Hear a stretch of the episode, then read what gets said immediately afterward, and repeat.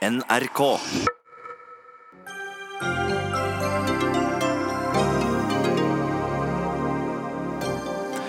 En norsk kvinne som sluttet seg til IS for fire år siden, vil hjem og har bedt om hjelp fra norske myndigheter. Men hvorfor skal hun som har vendt Norge ryggen, få det? Og kan Norge la en norsk statsborger bare være? Mens forhandlingene om revidert nasjonalbudsjett foregår for fullt, er Kristelig Folkeparti bekymret for om regjeringen satser nok på CO2-fangst, og møter olje- og energiministeren til debatt. Er de 52 millionene Norge skal bruke på bokmesse i Frankfurt neste år sløsing, slik forfatter Jan Kjærstad har hevdet? Kulturministeren kommer til Dagsnytt 18 for å forsvare bruken av skattepenger til prosjektet, mens en økonomiprofessor støtter Kjærstad. Og italienerne venter på sin 60 noe regjering siden andre verdenskrig. En EU-vennlig økonom får nå jobben med å lede landet videre. Vi oppsummerer tingenes tilstand i italiensk politikk.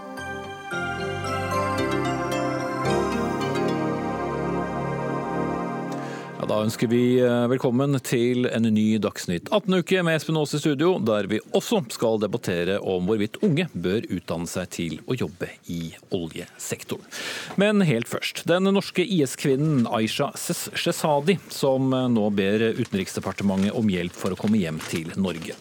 I et eh, håndskrevet brev til UD ber hun om hjelp fordi hun frykter å bli tvangssendt tilbake til den islamske staten IS nær Raqqa, som hun har flyktet fra etter en intern konflikt. Shezadi var en aktiv stemme i norsk offentlighet før hun sluttet seg til terrornettverket i 2014, og var også tidligere gift med islamisten Arfan Bhatti. Nå befinner hun seg i en flyktningleir nordøst i Syria, ifølge Klassekampen som hadde saken først. Og denne hjelpen bør hun få, mener du Erling Folkvord, Rødt-medlem og leder av organisasjonen organisasjonen Solidaritet med Kurdistan, og fikk også besøke denne kvinnen for kort tid siden. Forklar litt om det besøket. Ja, jeg skal gjerne gjøre det, for det gjorde forferdelig sterkt inntrykk på meg. Men bare en par setninger først om bakgrunnen. Det er Jeg har vært på en rundreise i føderasjonen Nord-Syria. Og Der er det innført ei, en ny demokratisk samfunnsordning, tverrkulturelt, sekulært, et system som er unikt i Midtøsten. Flytte makt fra menn til kvinner er veldig viktig. Så er det sånn at de særtrekkene her ved det samfunnssystemet er årsaken, eller en hovedårsak til at islamsk stat, terroristorganisasjon, og Tyrkia fører krig og terror for å ødelegge den samfunnsordninga. Og så midt oppi det der, så møtte vi da en av de norske IS-tilhengerne. Og som jeg sa, altså, det ble eh, en skremmende opplevelse for meg. Ja, hvordan da? En iskald, fremdeles entusiastisk tilhenger av alle forbrytelser som IS har begått og begår. Ikke tenk... Du er fortsatt veldig sterk i troen på at dette, dette var riktig? Hvis uh, det er riktig å bruke ordet tru, så ja, hun er der. Altså, det var mitt sterke inntrykk. Og uh, så er jo da nå er jeg heldig og er i en flyktningleir der eh, den nordsyriske føderasjonen sine myndigheter eh, tar vare på og beskytter henne. Men hun er ikke syrisk statsborger. Hun er uønska der, men myndighetene tar vare på henne så lenge de må. Og de ønsker, men de ønsker at eh, Norge skal ta ansvar henta hjem til Norge og stilla stille henne til ansvar etter norsk lov. Og, og det vil du også? Ja, og jeg har diskutert det med utenriksansvarlig Abdul Karim eh, Omar i eh, området her. Og han, eh, han, er veldig klar på det at eh, han ønsker det. og jeg fikk også forsikring om at det er lett å ordne rent praktisk. Mm. Veldig lett. Om lag 100 eh, nordmenn eller personer bosatt i Norge har reist eh, denne veien. 30 har mistet livet. Ti eh, av de som reiste er kvinner. Per-Willy Amundsen, syns du norsk UD har et ansvar for norske statsborgere? Nå stortingsrepresentant, tidligere justisminister for Fremskrittspartiet. Nei, jeg mener ikke at Norge har noe ansvar for den situasjonen hun har plassert seg sjøl i. Hun har gjort et valg. Hun står fremdeles for det valget, åpenbart. Eh, og det har konsekvenser. Mennesker må ta ansvar for sine handlinger. Det er mange nordmenn som er i en vanskelig situasjon i utlandet. Personer med norsk statsborgerskap. Det betyr ikke at eh, man i alle tilfeller eh, setter inn maksimal innsats for at de skal komme tilbake til Norge. Så er det viktig å huske hva vi snakker om. Når vi snakker om islamsk stat, når vi snakker om IS sine forferdelige herjinger, altså terrorregimet IS, det de står for altså Det kan jo knapt eh, sammenlignes med noe annet enn det vi opplevde i det 20. århundret med nazismen og kommunismens forferdelige herjinger. Men hadde ikke symbolverdien av å få dømt en, eh, en, kvinne som har sluttet seg til dette nettverket, vært ganske stor? da? Jeg må si at I utgangspunktet så syns jeg det er rystende nok at hun sitter i flyktningleir. Hun burde jo sitte i en leir for eh, personer som skal forfølges for eh, krigsforbrytere. Forbrytelser. Det er jo åpenbart der hun hører hjemme. Men det er klart, i det øyeblikket hun ankommer norsk territorium, så vil hun bli påført håndjern, plassert på celler og straffeforfulgt. Eh, men det er noe med hvorvidt Norge skal gjøre en stor innsats for å hente henne tilbake til landet. Så er det sånn at uh, Hun kan også havne i fare for å miste sitt uh, norske statsborgerskap. Det mener jeg også er et poeng. Uh, selv om hun har tilhørighet i Norge materielt via passet sitt, så er det ikke sånn at hun hører hjemme her. De sånn islamistiske forestillingene, denne ideologien som hun står for, den har ingenting i Norge og den vestlige verden å gjøre. Disse grusomme herringene som IS representerer, vil vi ikke ha i Europa. Folkvår, hvorfor vil du ha den hjem? Altså, det er slik at uh, Jeg skal ta to poenger. Det ene er at uh, det er flere uh, aktive IS-krigere som er på vei tilbake til Europa, eller allerede er sendt tilbake. Og myndighetene i Nord-Syria de ønsker samarbeid med norske og andre europeiske stater sine eh, sikkerhetstjenester for å informere samarbeide for å få stoppa slike folk og begrensa risikoen for eh, bl.a. det norske folks sikkerhet. Mange ville kanskje tenke at det virker mer sikkert å ikke få de tilbake? Det er sånn at uh, det de må stoppes. Og de bør stoppes gjennom at norske myndigheter samarbeider med den dyktige sikkerhetstjenesten som er der, som har informasjon å formidle. Jeg syns det er ille at det ikke alt er på plass. Men så er det jo da sånn at her har vi å gjøre med en, en norsk statsborger som, som, er slik som jeg sa i stad. Nå har eh, sidemannen min kunnskap om at hun har begått krigsforbrytelser. Det har ikke jeg kjennskap til. Men eh, hun har hun sjøl innforstått med at hun har brutt norsk lov. Det er nok, og hun bør, Norge bør ta ansvar når en norsk statsborger bryter norsk lov mot uh, terror. I, selv om lovbruddet skjer i utlandet, så skal en ikke legalisere det ved å si at nei, la hun være der. Og her er det enkelt, ikke ressurskrevende, å få henne tilbake til Norge sikkert i varetekt fram til en eh, seriøs domstolsbehandling.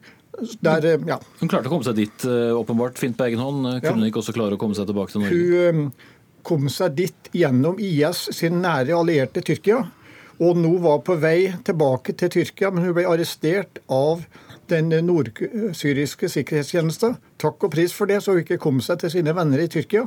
Og nå bør hun ikke få lov til å legge ut på noen reise på eget initiativ rundt om i verden. Hun bør hentes hjem og stilles for norsk domstol. Punktum.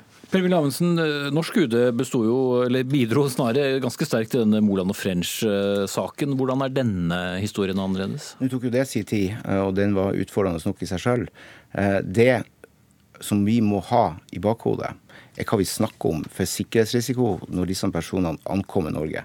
Det er altså personer som er farlige. De har lært seg å bruke metoder i opplæring av IS eh, som gjør at de er potensielt farlige mennesker i Norge. Men det er da jeg tenker jeg ville ikke vært tryggere om vi faktisk hadde fengslet de her hjemme, hvis det, en, eh, hvis det også var så, norske myndigheters vurdering at personen var farlig eh, for norske borgere? Så er det et faktum at når du deltar i en eh, grusom organisasjon som IS representerer, så har du også gjort deg til del. Det kan ikke være, uenig, altså være, være noe tvil om at du har eh, gjort deg til del av det som er eh, krigsforbrytelser, eh, herjinger, grusomme eh, handlinger eh, som du må stå til ansvar for. Og Ankommer du Norge, så vil du selvfølgelig bli straffeført for det, og det bør hun bli dersom hun gjør det.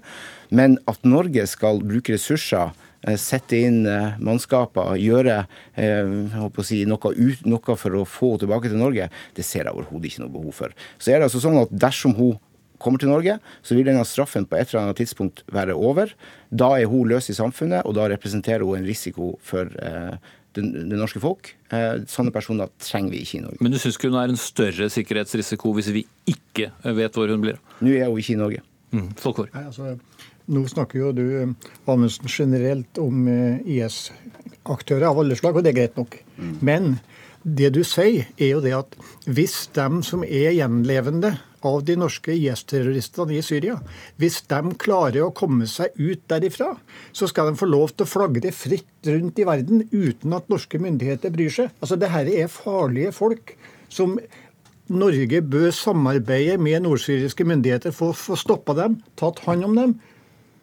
Kan ikke la slike folk eh, flagre fritt, eh, Amundsen? Nå er det et sikkerhetsopplegg. Det er vel ikke noen stor uh, overraskelse at man har skal vi si, sikkerhetstiltak i oppfølginga av disse fremmedkrigerne som har reist til Syria. Det vil bli fulgt opp. Men poenget er det at dersom disse personene kommer til Norge, har gjennomført sin straff, så er de altså potensielt svært farlige elementer i det norske samfunnet. Det er ressurskrevende å følge dem opp. Og det å ta for gitt at norske tjenester, i dette tilfellet PST, Eh, har ubegrensa ressurser til å følge opp disse personene, eh, det tror jeg eh, man skal være forsiktig med å anta. For det er mange. Og det er ressurskrevende i seg sjøl. Og det er også fare for den norske befolkning. Og da er det veldig lett for meg som stortingspolitiker å, å ta et standpunkt. Jeg er mer opptatt av sikkerheten for nordmenn i Norge enn jeg er for å ivareta skal vi si, beleilighetshensyn for en person som har begått denne type Hadde du ment det som justisminister også? Jeg mener i hvert fall at eh, dette er Jo, altså Som justisminister ville jeg ment akkurat det samme. Mm. Det handler om hvor man setter inn eh, ressursene. Hva man bruker eh, penger på. Hvor UD skal ha si oppmerksomhet.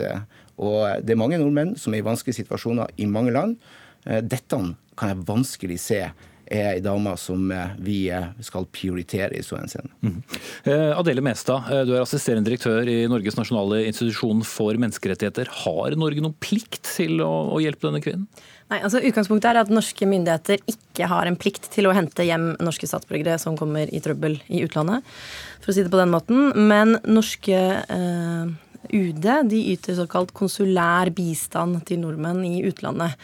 Og så vidt jeg forstår det, så gjør de det uavhengig av grunnen til at en person har havnet der den har havnet uansett. I dette tilfellet så er jo dette en person som har brutt eh, for, eh, anbefalinger fra eh, Utenriksdepartementet om å reise inn i Syria.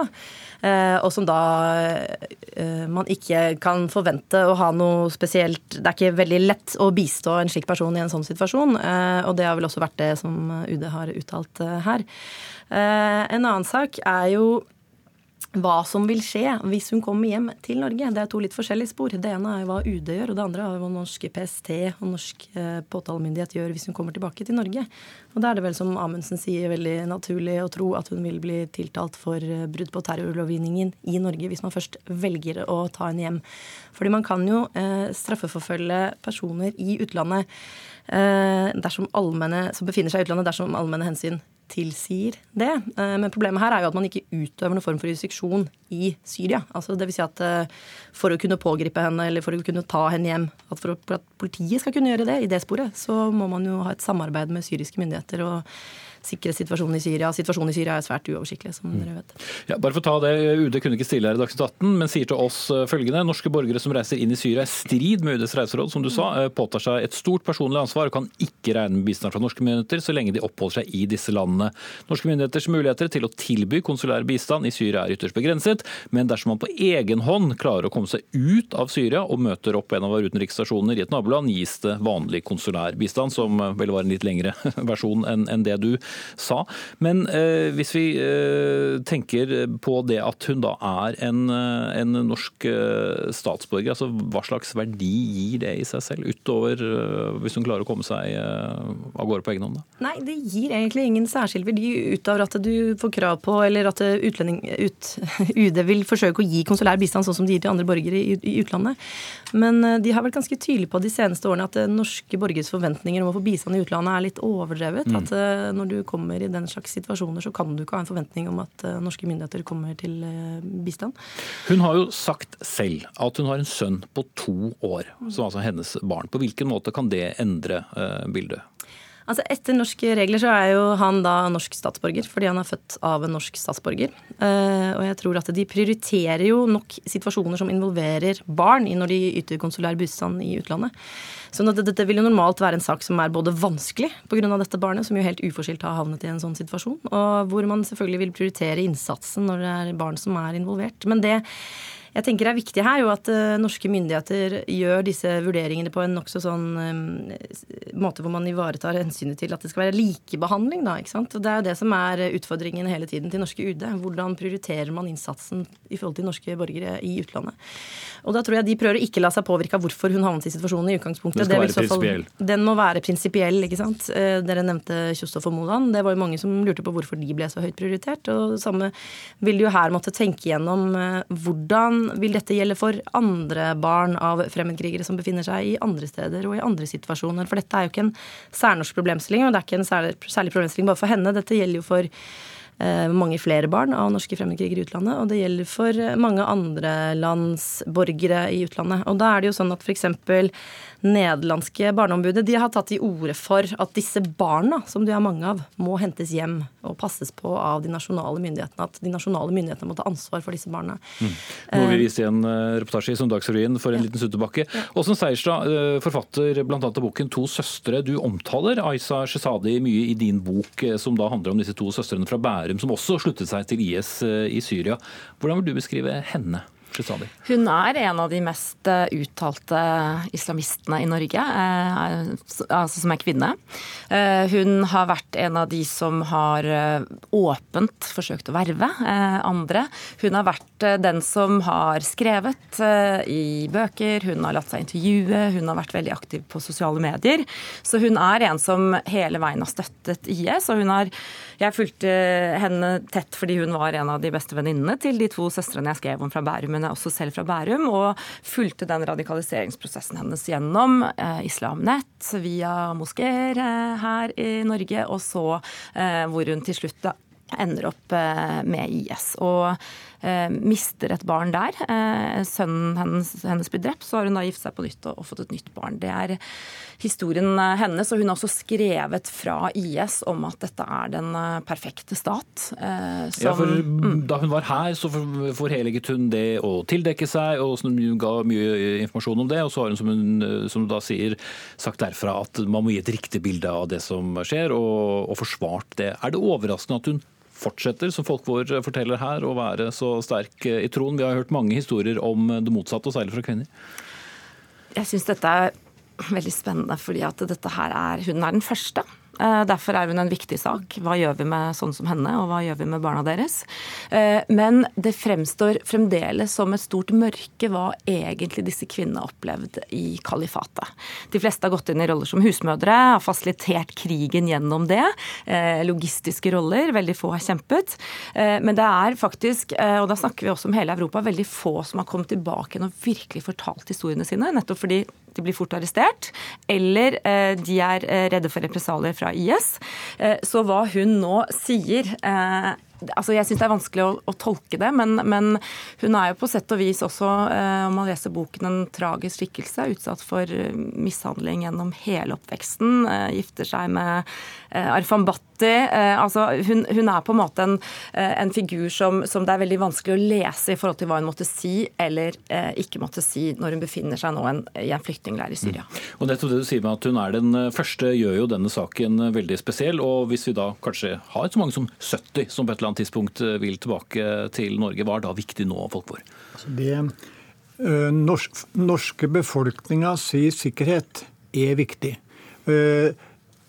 Uh, tidligere eller nåværende IS-krigere på vei hen til Europa med eller uten tyrkisk hjelp er en risiko, en trussel mot folks sikkerhet i Europa. Norge må trå til det som er mulig, altså ikke med vanlig konsulær bistand, men å pågripe de som det er mulig å pågripe og stille for norsk domstol. Det mener jeg er norske myndigheters ansvar. Og i dette tilfellet så er det enkelt. fordi at eh, hvis en bare tar en telefon til eh, utenriksansvarlig Abdul Karim Omer i eh, Kamislo, så er jeg sikker på at det er lett å ordne at hun blir brakt dit.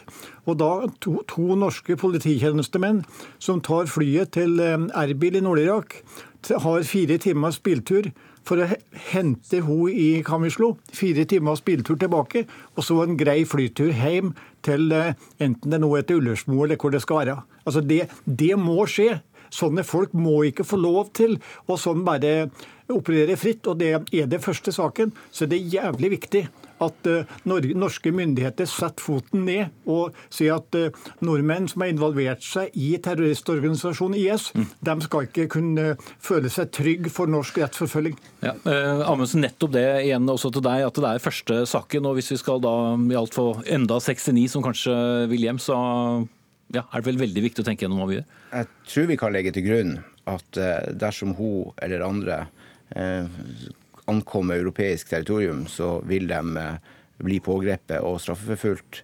Står også i fare for å miste sitt statsborgerskap. Eh, det vil nok skje. Men så er det noe med det at du har gjort et valg. Hun har gjort et valg. Hun må stå for sine valg. Hun står åpenbart fremdeles for sine valg. Hun har valgt å støtte en av de verste ideologiene også gjennom praksis. Mm. Men det har mange tusen gjort fra Storbritannia, Frankrike, Nederland. Men det å belønne dem med et opphold i Norge, det anser jeg ikke som vår oppgave. Det er mange andre mennesker som lenge før Men er det en endelig løsning? Nei, altså, Det er ingen endelig løsning i dette. Men det vi i hvert fall må sørge for, det er at ikke disse tilhengerne av radikal islam med sitt hat. Dette er mennesker som hater Norge, hater alt vi står for, hater våre frihetsverdier, hater hele den vestlige sivilisasjonen. De har ingenting her å gjøre, og vi ønsker dem ikke i Norge. De eh, bør kanskje ta tilhold i en annen plass i verden, eh, hvor eh, de kan oppleve sitt skal vi si, kalifat, oppleve sine sharia-lover som de ønsker. Her har de i hvert fall ingen fremtid, og det bør ikke vi legge til rette for. Det er altså, det er altså en helt annen behandling hun vil få i Norge enn hun får de fleste andre plasser i verden, dersom hun blir forfulgt der hun, straffeforfulgt der hun er nå. Det å belønne med et norsk fengsel, tidlig frislipp og, og jeg håper å si, bli en del av det norske samfunnet, det er ikke jeg med på. Jeg vil bare høre med deg også, Åsen Seierstad. Riktignok er du journalist og, og forfatter, men, men, hva tenker du om denne saken? Hva, hva tror du ville vært eh, det mest riktige å gjøre her? Nei, Jeg syns det er vanskelig å ha en mening om det. Det er interessant å se hvilke valg andre europeiske land har tatt. Eh, Frankrike har vært veldig klar at de vil ikke ha disse kvinnene hjem. Men de vil yte bistand til barna og sende dem eventuelt tilbake til Frankrike og gi dem i varetekt til, til, til, barnevernet. Det samme har Storbritannia vært veldig, klar på. De vil ikke ha verken kvinnene eller mennene hjem. Eh, fra Norge så har vi ikke hørt så mye. Hva som, altså, i, i vår humanitære tradisjon så vil jeg vel anta eh, at hvis hvis de kommer ved egen hjelp, så får de selvfølgelig slippe inn. Men, eh, men, men eh, det ser vanskelig ut å, å, reise ned og hente dem ut. Men det er klart at det barna deres, eh, der står vi, utenfor, for, der står vi foran en, en, humanitær tragedie. Og for hver dag som går, så har disse barna dårligere levekår videre om de, om de bor i Nord-Syria eller om de bor i Norge. Så her må Europa og USA, eh, som har til sammen flere tusen fremmedkrigere, må finne en løsning på, på, eh, på, på for at ikke disse barna eh, skal liksom, altså også bli tikkende bomber her. Mm. Det er noen viktige premisser som må legges i tiden fremover. Vår tid er ute nå. Takk skal dere ha. Åsen Seierstad, forfatter. Adele Mestad, assisterende direktør i Norges nasjonale institusjon for menneskerettigheter. Per-Willy Amundsen, stortingsrepresentant og tidligere justisminister for eh, Fremskrittspartiet, og Erling Folkvord, leder av organisasjonen Solidaritet med Kurdistan. Dagsnytt 18 alle hverdager kl 18.00 på NRK P2 og NRK2.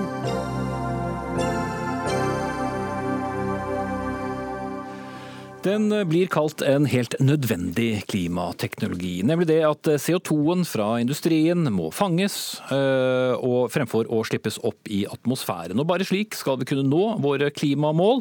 Norge har gått fremst i utviklingen av teknologien, men nå frykter Kristelig Folkeparti at regjeringen ikke satser nok på denne avgjørende teknologien i revidert nasjonalbudsjett, som behandles i disse dager. Og Tore Storhaug, stortingsrepresentant for nettopp KrF, hva er det bekymringen din går ut på? Jo, det er en bekymring som går på at vi nå er i en ganske kritisk fase for å få til karbonfangst og -lagring i Norge. Eh, I revidert nasjonalbudsjett så har vi til nå hatt eh, tre prosjekt som har gått, eh, der vi har hatt en ambisjon om å gå videre til et forprosjektstadie. Ett av dem er gått ut. Yara sitt gjødselanlegg. Nå står en igjen med to. Det er da Klemetsrudanlegget som et avfallsanlegg i Oslo, og så er det i tillegg til det Brevik sitt, et sementanlegg i Brevik. Og det som er Bekymringa mi er at i revidert budsjett så sier regjeringa helt tydelig en oppstartsdato og hvilken løyving de vil gi til det ene av dette prosjektet her. Mens for det andre prosjektet, Klemetsrudanlegget, så er en uklar, og en viser til kvalitetssikring. Men en sier ikke noe om de har lagt inn penger til dette tiltaket, og en sier ikke noe om når oppstartsdatoen er. Og det, og det som er faren med det, da, er at jeg er redd for at vi havner i en situasjon der vi har sett alle pengene våre på én hest, når vi egentlig hadde ønsket å ha tre hester i det løpet, sånn at vi kunne ha en sikkerhet for at vi hadde forskjellige teknologier å sammenligne når Stortinget skulle ta den store beslutninga, som ikke er nå, for nå er vi på prosjektstadiet, men, men seinere, når vi skal snakke om de store pengene for å løse denne viktige utfordringa. Og ikke bare det. CO2 har vel nådd konfirmasjonsalder, og, og vel så det, siden vi begynte å snakke om det. Eh, Terje Søviknes, eh, olje- og energiminister, kan du berolige din sidemann fra KrF, eh, uten at du kan avgjøre hvordan revidert eh, nasjonalbudsjett blir sendt ut? Ja, det kan jeg absolutt. For uh, hadde KrF lest f.eks. første avsnitt i pressemeldinga som vi sendte ut fra Olje- og energidepartementet under fremleggelse av revidert, så står det veldig tydelig at regjeringa nå går videre med forprosjektering av lagerdelen som dreier seg altså om Nordsjøen, om transportdelen mellom lager og fangststedene som da ligger på Østlandet. Og vi går videre med inntil to fangstanlegg. Og det er budsjettert da med ressurser til å drive forprosjektering i 2018 med, den, eh, med de to, inntil to eh, fangstanleggene, eh, med den ekstrabevilgningen som vi foreslår på 80 millioner kroner. Så sammen med tidligere budsjett vil summere seg til 280 millioner i 2018. Og så er det Men Hvordan går garantiene dine, da? For det går vel ikke hele veien? Nei, det er riktig at vi har sagt ja allerede til Norcem, sementfabrikken i Breivik. Ja. Eh, og så har vi sagt at vi må avvente en ekstern kvalitetssikring av Klemetsrud-anlegget sine eh, oppdaterte opplysninger knytta til kostnadsestimat og deres prosjektorganisasjon. De kom inn og la inn nye opplysninger på vårt bord. Eh, tett oppunder at vi skulle legge fram sak for Stortinget nå i forbindelse med revidert. Så Betyr det at den er mer usikker? Den har høyere kostnader. Det går fram av tidligere kvalitetssikringsrunder vi har hatt. Eh, altså Klemetsrud-anlegget noe dyrere, sånn som det har vært framstilt fram til nå. Eh, og det har vært også stilt litt spørsmål med prosjektorganisasjonen. Så, så det kan altså, ikke bli noe annet, sånn som det prosjektet Det er åpent. Vi er nødt til å gjøre en skikkelig kvalitetsvurdering av hvert enkelt av disse fangst, eh, potensielle fangstanleggene.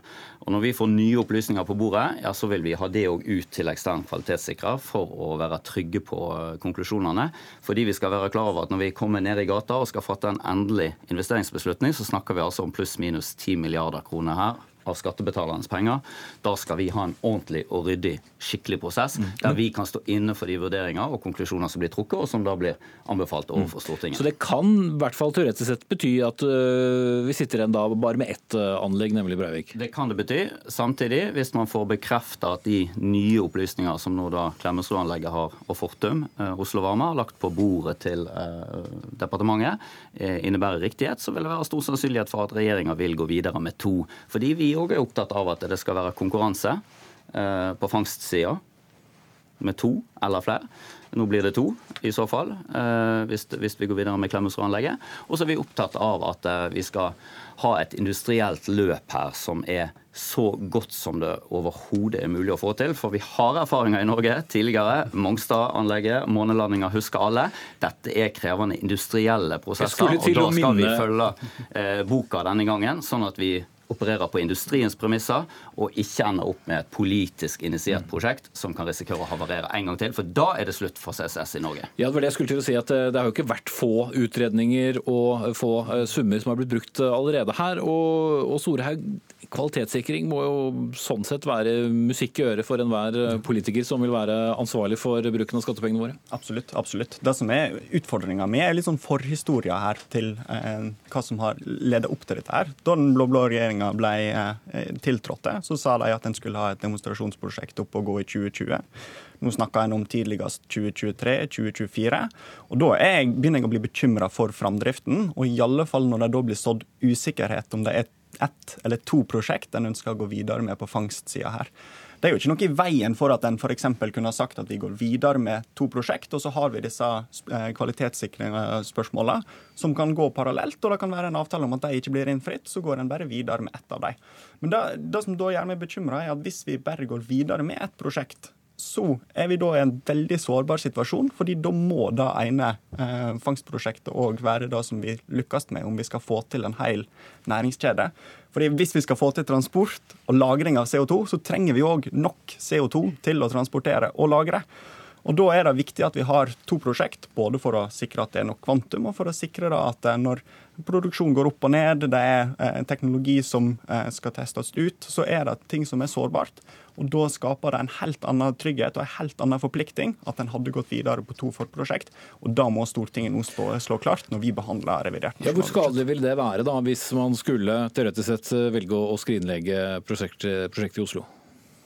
Altså, jeg er opptatt av at vi har uh, konkurranse så lenge som mulig i et sånt prosjekt. Uh, vi er opptatt av at vi skal få ned kostnader, og at vi skal ha læringseffekter ut av dette prosjektet. Det er på en måte hele initiativet som ligger bak, eller motivasjonen bak at vi vil ha et fullskala karbonfangst- og lagringsanlegg i, mm. og Dette er noe du også tror på som olje- og energiminister, og mener ja, det er riktig å bruke disse ressursene på? Ja, får vi se da til slutt når vi får gjort opp status etter forprosjektering. For da vet vi mye mer om både kostnadene og får ned risikoelementet her, og får sett hvordan dette står seg opp imot andre potensielle klimatiltak som vi òg kan satse på. Men det er ingen tvil om at Norge har hatt en ledende posisjon på karbonfangst og -lagring internasjonalt.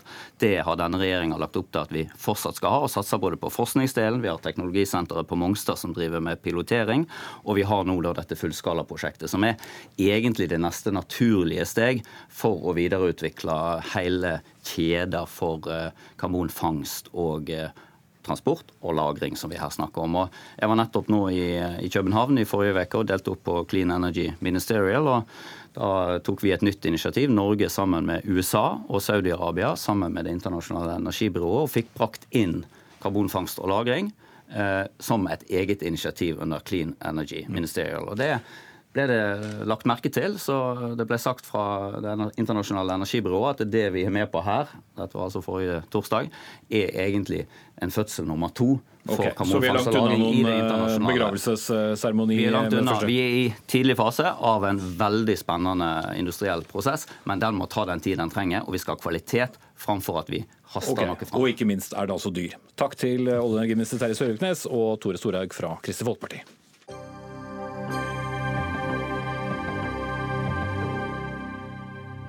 Og vi skal i aller høyeste grad eh, fortsette å snakke om penger, vi. Men vi skal snakke om eh, summer som er langt unna det vi snakker om når det gjelder eh, karbonfangst. Men det betyr likevel ikke at disse pengene også kan være diskutable.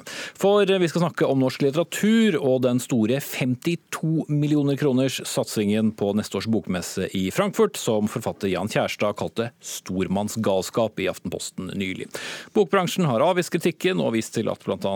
Norge neste år, da 16.-20. oktober er hovedland for det som er verdens største bokmesse, stadig i Frankfurt. Og kulturminister Trine Skei Grande Kjærstad skriver i Aftenposten at bruken av 52 millioner kroner på en bokmesse er rett og slett stormannsgalskap.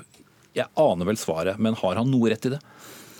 Nei, det har den ikke. Ikke, ikke litt engang?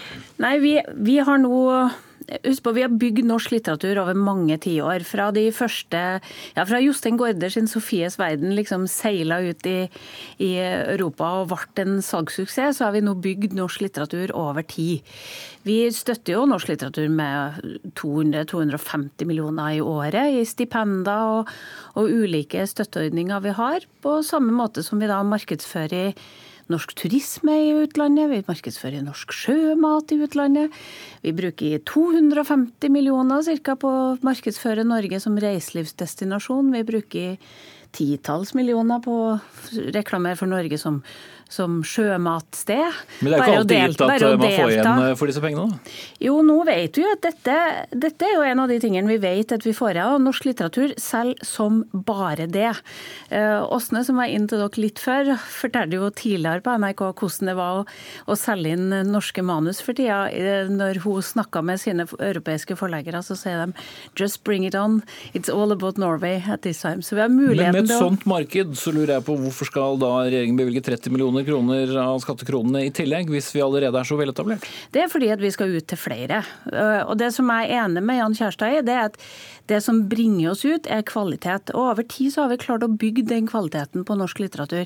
Men det hjelper ikke at vi lager kvalitet hvis ikke det når ut, hvis vi ikke blir oversatt, hvis vi ikke møter de europeiske markedene.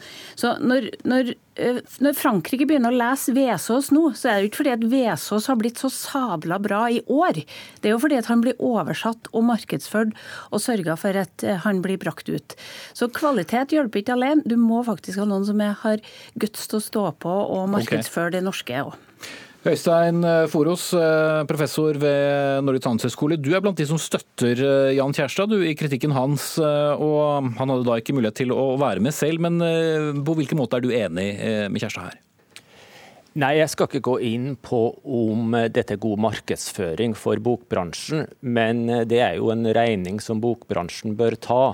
Jeg tviler på at dette er en god investering for vi skattebetalerne. Og vi må også huske at dette er en meget privilegert bransje. Som det ble redegjort fra kulturministeren her, så er dette en bransje som får store privilegier i form av momsfritak, et unntak fra konkurranseloven for et fastprisregime osv. Og, og begrunnelsen for det er jo da nettopp at eh, litteratur har en del positive sideeffekter, og nå kommer man og skal ha dobbelt betalt for det. Ja, men Kan man ikke få igjen for det, som eh, kulturministeren sier? Det kan godt være, men det er en regning som bokbransjen bør ta. Og bokbransjen bør vurdere om dette er en god investering for å markedsføre produktet deres. Jeg betviler at dette er noe som jeg som skattebetaler får noe igjen for. Det er jo poppis å alltid være mot kultur. Men altså, når vi bruker penger på f.eks. å delta på messer for å promotere norsk sjømat, som er ganske lønnsomt, og der de også bidrar mye i det, så bidrar også staten inn i å få ut norsk, eksportere norsk sjømat. Jeg skjønner ikke hvorfor norsk sjømat er veldig mye edlere ting å bruke penger på enn å bruke norsk litteratur. Så betydningen for fisk og bøker er ja, det samme? Men hvis du ser da på f.eks. Island har vært hovedsamarbeidsland. De fikk en fordobling Eh, av, sin, av oversettelser fra islandsk til andre, eh, andre språk ettergjort det. Markedsføringsverdien når Island var hovedsamarbeidsland, anslås til rundt 230 millioner norske kroner med den innsatsen som var. Det er en ganske mangedobling av den innsatsen som går inn. Når vi ser på Finland, som var hovedsamarbeidsland, så ser de at bare et hvert år så har det økt inntektene fra litteratureksport i, Inland, i Finland med 34% Vi vet at dette funker. Og jeg skjønner overbevist. Jeg skjønner ikke hvorfor man skal være mot å eksportere kultur.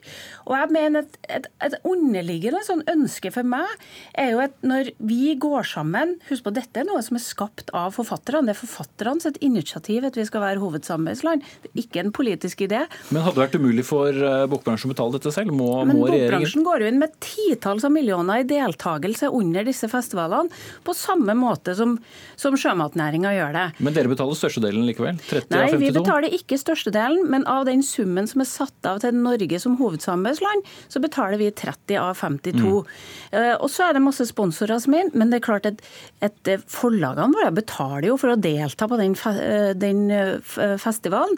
Og vi får muligheten til å vise fram norsk kultur i bredde i Tyskland. Vi skal være med på jazzfestival, vi skal være med på Berlinaden. Vi skal vise fram Norge i Tyskland. Det vil skape enormt markedspotensial. Da skal jeg slippe til vår mann i det er viktig. Ja, nå har du sagt mange ting, eh, men Du kan helt få spare den, og så vil jeg bare høre hva, hva Foros, hvis han klarte å henge med alle svingene her, eh, sier. Ja, altså Hvis eh, kulturministeren har rett i dette, så ville bransjen selv ha tatt denne regninga fullt og helt. Så dette er en tilleggsbevilgning til en bransje som har mange flere privilegier enn nesten noen annen bransje som, som det ble redegjort for her.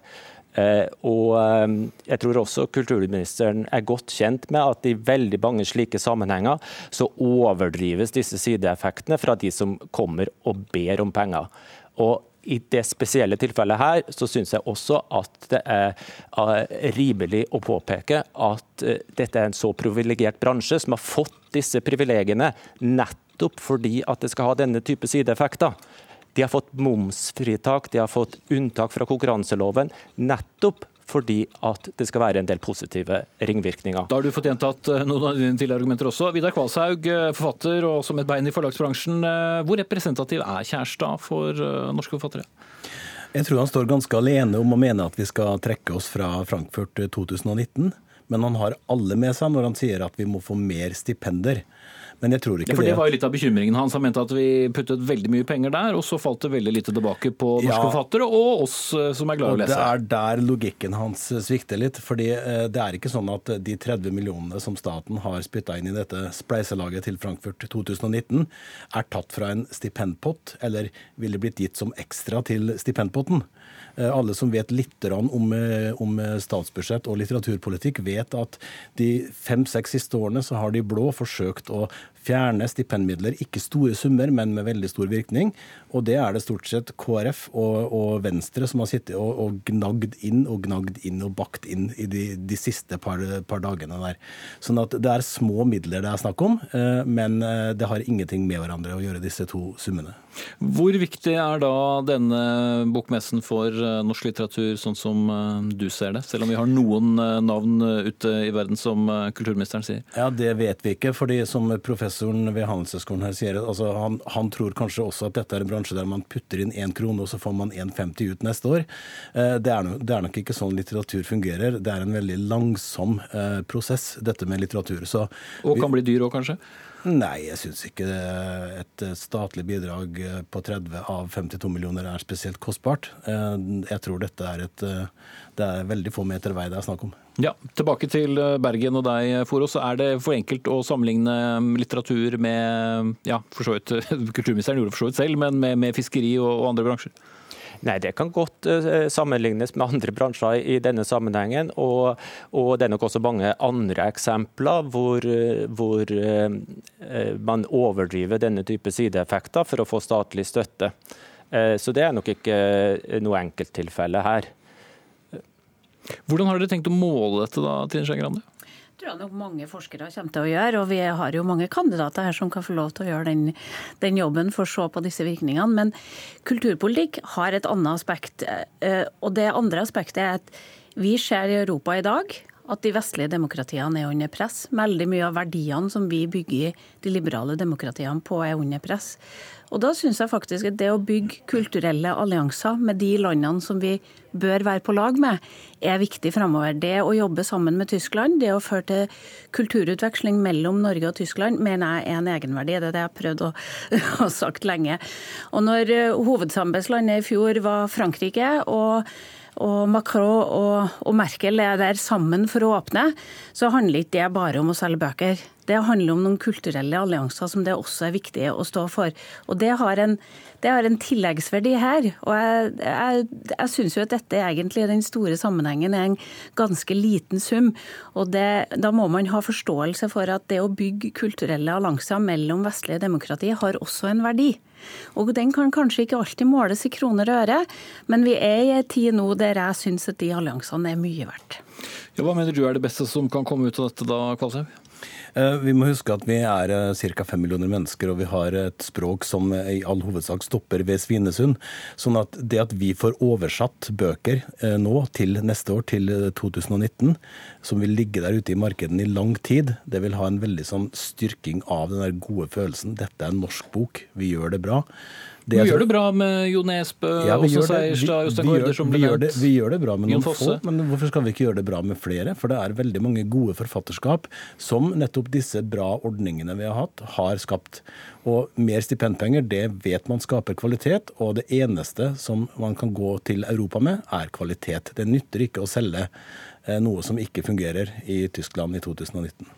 Jeg skal eh, vende meg til mannen som har måttet stå alene mot eh, to debattanter her, nemlig Øystein Forås, professor ved NHO. Til slutt, hvordan syns du man bør måle dette i etterkant?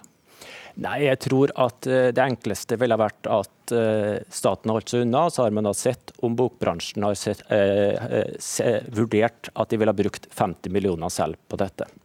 Det ville også gjort at man ikke stiller spørsmål med legitimiteten med alle de andre privilegiene som denne bransjen får i denne sammenhengen. Så du, du, synes egentlig at denne bransjen allerede er eh, i overkant uh, sponset, og, og, og, slik sett ikke burde få mer? Det er det som er din konklusjon? Nei, det har jeg ikke sagt. Men jeg sier at man får en rekke privilegier nettopp fordi at man har argumentert for at det er denne type effekter. Da må vi sette strek, men denne diskusjonen var i hvert fall så godt som gratis, rent ut fra årsprisen på lisensen i hvert fall. Trine Skei Grande, kulturminister, Øystein Forås, professor ved Norges handelshøyskole, og Vidar Kvalshaug her i studio. Takk skal dere ha.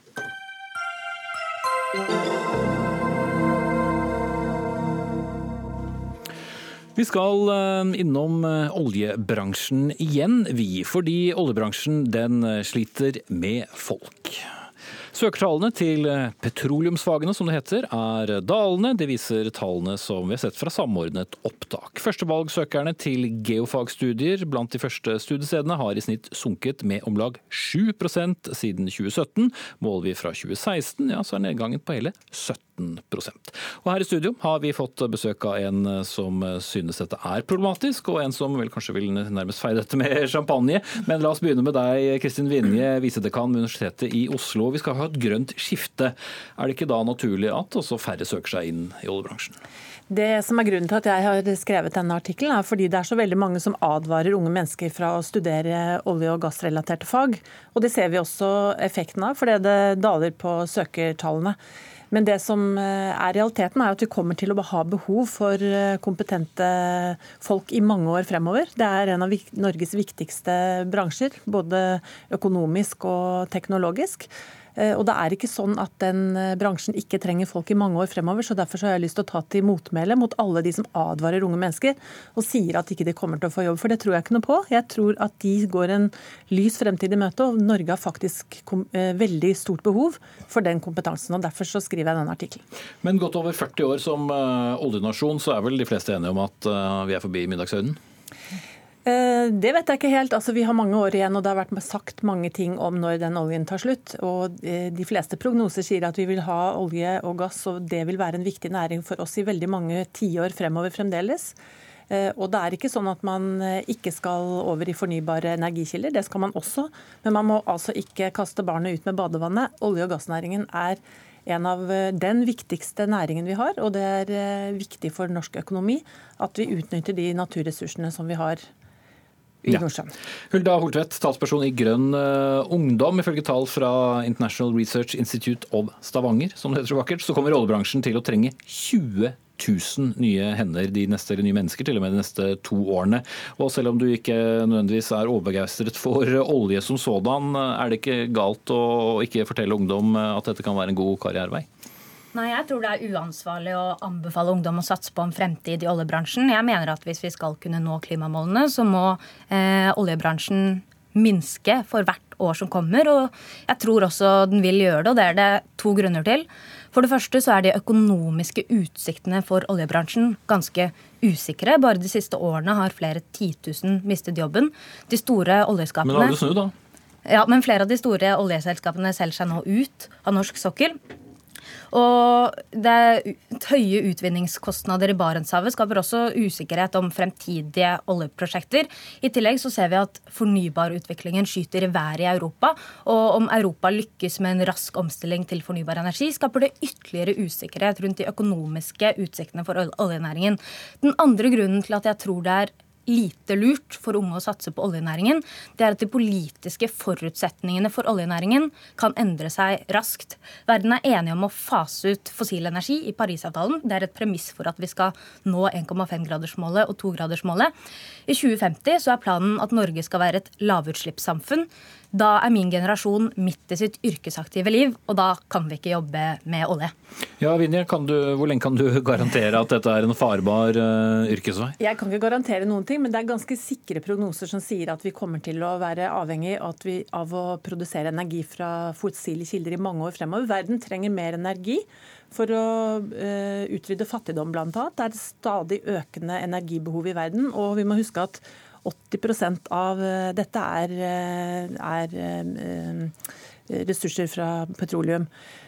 Og Men når vi det grønne skiftet hvis vi fortsetter å bli bedre går... på å utvinne fossile? Ja, det går faktisk an å ha flere enn én tanke i hodet på en gang. Vi, vi Det får vi høre hver dag i Dagsnytt Ja, men vet du hva? Altså, hvis vi slutter, hvis vi bare faset ut eh, olje- og gassnæringen vår, så ville ikke, vil ikke hatt penger til å drive med forskning på fornybar engang. Vi ville ikke hatt teknologer som kunne gjøre det.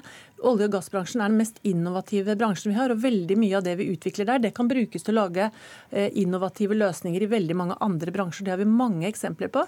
Og det genererer altså veldig mange, eh, mye penger for oss, som gjør at vi kan eh, opprettholde velferdsstaten, som gjør at vi kan ha penger til kulturbudsjetter, penger til forskningsbudsjetter, penger til fornybar energi og utvikling av nye løsninger. Så Derfor så henger disse tingene veldig tett sammen. Det er ikke bare å kappe av en gren. Vi må prøve å ha to tanker i hodet på en gang. og da må man altså ha litt tålmodighet og også heller erkjenne at eh, Norges eh, petroleumsressurser er en mye mer miljøvennlig energi enn andre lands. Sånn at vi er en viktig brikke i et internasjonalt spill også. Ja, Holtvedt, for det er jo et poeng. Eh, Selskapet som vi pleide å kjenne som Statoil, som nå heter Equinor, eh, er jo blant selskapene som også har satset mye på grønn teknologi. Har eh, utrolig mye kunnskap eh, innad i eh, egen bedrift, men selvfølgelig hovedinntekten kommer jo fra det du ikke er så begeistret for, da, eh, nemlig eh, olje og, gass. Hvorfor skal ikke denne bransjen fortsatt få, få kloke hoder som på sikt vil bruke sin kunnskap til eh, mer grønn eh, energi? At oljeselskaper også satser på fornybar energi, det heier jeg selvfølgelig på. Det er kjempebra. Men det som også er premisset i Vinjes kronikk, er jo at olje og gass skal være hovedvirksomheten, og at vi skal holde på med dette i mange tiår til. Og du mener at dette er viktig for å begrense fattigdom. Det viktigste vi kan gjøre for å utrydde fattigdom, det er å stanse klimaendringene. Norsk olje eksporteres dessuten ikke til fattige land, men til land i Europa. Og så er det disse prognosene da, som snakker om liksom, hvor mye olje vi skal bruke i 2030-2050. Eh, IEAs hovedprognose, eller hovedscenario, eh, forutsetter ganske høyt oljeforbruk. Det forutsetter også at vi får en global temperatur, temperaturstigning på mellom tre og fire grader. Det vil koste mange menneskeliv, og det vil koste verdensøkonomien dyrt. Så jeg mener at det viktigste vi kan gjøre nå, politisk, er å omstille dagens oljearbeidere til et utslippsfritt næringsliv. Ikke Men det er ikke noen motsetning eh, mellom det, og, og samtidig vil det vel være ganske skummelt for verden også hvis vi eh, står for en stor energimangel? Jo, det er en motsetning mellom å nå klimamålene og ha en voksende oljenæring i Norge. I fjor kom det en rapport fra Oil Change International som viser at dagens operative oljefelt er nok til å tippe oss over målene i Parisavtalen. Det betyr at det ikke er plass til ett eneste nytt oljefelt innenfor de klimamålene.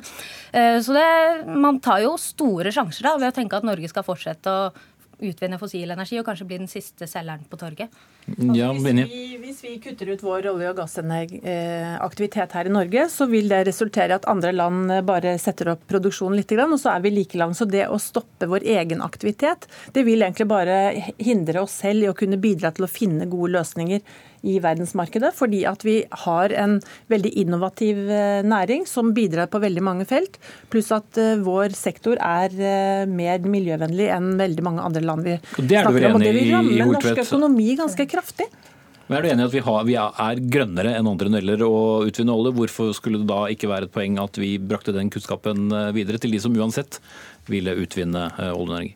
Utslippene Fra fra produksjon av olje de er marginale sammenlignet med utslippene som kommer fra for forbrenning eh, til slutt i verdikjeden. Så det mener jeg egentlig ikke er et eh, spesielt relevant argument. Og så vil jeg si at Det må bli kort, for nå har jeg tenkt å sette punktum. yes, verden går fremover, og jeg er klimaoptimist. Jeg tror at resten av verden uansett kommer til å lykkes i den fornybare omstillingen. Se på Storbritannia f.eks. Nå kan det se ut som de kan klare overgangen fra kull uten gass på veien. Da må Norge sørge for å være med i utviklingen og ikke stå alene igjen. Men har sto, fortsatt store planer om å importere mye gass fra, eh, fra Storbritannia. Men jeg må sette strek der. Kristin Vinje, visedekan for Universitetet i Oslo, og Hulda Holtvedt, talsperson for Grønn ungdom.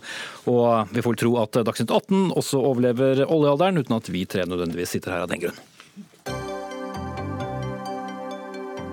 Hør Dagsnytt 18 når du vil.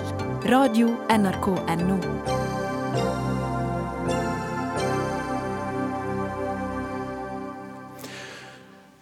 Dersom du er eh, politisk eh, journalist i Italia, så er det ikke sikkert at du har det særlig kjedelig om dagen, for der eh, skjer det stadig nye ting. Italias president ga i dag den EU-vennlige økonomen Carlo Cottarelli oppdraget med å danne enda en ny regjering i Italia. For de har det vært svært, svært mange av siden andre verdenskrig, godt over 60 i tallet. Dette skjer eh, etter at han i går nektet å godkjenne EU-motstander Paolo Savona som finansminister. Og det igjen førte til at den eh, mulige koalisjonsregjeringen til den populistiske femstjernersbevegelsen og det høyreorienterte partiet Ligaen ikke blir noe av. Simen Ekern, forfatter eh, og journalist og Italia-kjenner, med oss fra Roma nå. Hvis det går an å beskrive den politiske situasjonen i Italia akkurat nå, hvordan eh, vil du gjøre det? Ja, det, er, eh, det, er, temmelig spente saker, det må vi kunne si. Det blir snakket om at Italia nå er kastet inn i sin verste institusjonelle krise eh, på flere tiår. I tillegg er det naturligvis en politisk eh, krise, der vi har eh, to store politiske partier som føler seg snytt, som varsler svære demonstrasjoner her i Roma nå førstkommende helg. Og en av dem, Femstjernersbevegelsens leder Luigi Di Maio, har jo sågar snakket om å stille presidenten for riksrett. Så dette er komplisert på temmelig mange plan. Og et viktig poeng, og som kanskje opprører en del, var jo at eh, som jeg nevnte innledningsvis, at det handlet om å få godkjent en ganske så EU-skeptisk finansminister. Og så I stedet så kaster også presidenten seg rundt, og så vil han innsette en veldig EU-vennlig eh, teknokrat nærmest som eh, statsminister. Så Det er jo en relativt stor kuvending. Det er klart, men eh, det er nok ikke helt, en helt presis beskrivelse av, av, det som skjedde. For hele regjeringen som skulle sitte, settes inn, var jo EU-skeptiske. Deriblant lederne for Femstjernesbevegelsen og, og Lega. Eh, så, så som skremte poenget, mye av den politiske eliten? Eh, det er klart, det gjorde den, men den var nå godkjent og klar til å sette i gang. Eh, poenget var altså denne ene finansministeren, eh, som ikke var en hvilken som helst EU-kritiker, men som var en 82 år gammel økonom som har gjort seg bemerket med å utarbeide planer for hvordan Italia kan trekke seg ut raskt og i hemmelighet av eurosamarbeidet. For presidenten så var det problematisk av to grunner. Det ene var naturligvis liksom den umiddelbare reaksjonen i markedene. hva slags effekt det ville få for den italienske økonomien. Ikke et veldig godt argument, kanskje. Det andre og litt bedre argumentet var at disse partiene jo faktisk hadde stilt til valg eh, ved å fortelle velgerne sine at de ikke ville at Italia skulle gå ut av euroen. Det var et viktig poeng i valgkampen for å ikke skremme velgere både for Femstjernersbevegelsen og eh, Lega. For det er et eh, kontroversielt og litt skremmende standpunkt for mange italienere. Så presidenten mente altså at det han ante her, var et slags forsøk på å omgå det man hadde eh, fortalt eh, velgerne. Et nyvalg vil da kunne klargjøre denne posisjonen eh, tydeligere. Det er i hvert fall presidentens linje. Om det holder vann politisk, det får vi jo se allerede de neste dagene med alle demonstrasjonene som er varslet. Blir et første tegn på det. Og Det blir vel foreløpig da kanskje bare en overgangsregjering og et nyvalg allerede på andre siden av, av sommeren, eh, Ekern. Men kan det løse noe? Italienerne har, som jeg antydet innledningsvis, eh, en evne til å ikke ha så eh, langtvarende regjeringer. Mm, ja, Dette er jo utgangspunktet ikke tenkt som en langtvarende regjering uansett. Den men hvis skal... det blir et nyvalg, mener jeg? Ja, nei, Det blir enten et nyvalg i september eller i desember. Men nesten helt sikkert, sånn som det ser ut nå, så får ikke eh, denne regjeringen støtte i parlamentet. og Da snakker vi kanskje første uka i, i september som nyvalg. Og Da er det klart at eh, det er mulig at valgresultatet blir omtrent sånn som det var. Eh, men meningsmålingene viser jo en viss forflytning. Det er kanskje særlig Lega og Matteo Salvini som har vist seg å være de dyktigste politiske spillerne her. Eh, det går an å se for seg at han klarer å få et flertall for en eh, høyreregjering med Berlusconi. Da vil i så fall femstjernersbevegelsen fullstendig ha mistet muligheten sin til å sitte i, eh, i regjering. Da, og, og, mange i det partiet snakker jo allerede i dag om at de har blitt lurt av Salvini i denne regjeringsforhandlingssituasjonen, brukt i hans politiske spill. Så denne saken har både liksom internasjonale implikasjoner, men det handler jo som vanlig også ganske mye om intern politisk krangling og manøvrering i, i Italia. Og Hvis du klarer å si det veldig kort til slutt, Simen Ekern. Italienere flest, hvor opptatt er de av politikk? De er ganske opptatt av dette, men de er vel kanskje mer oppgitt akkurat nå, mange på begge sider av den store politiske skillelinjen. Jeg må stoppe deg med det korte svaret, er jeg redd. Og så får vi bare kort nevne at ansvarlig for dagens sending, det var Arnhild Myklebust, teknisk ansvarlig Hanne Lunås, og her i studio Espen Aas.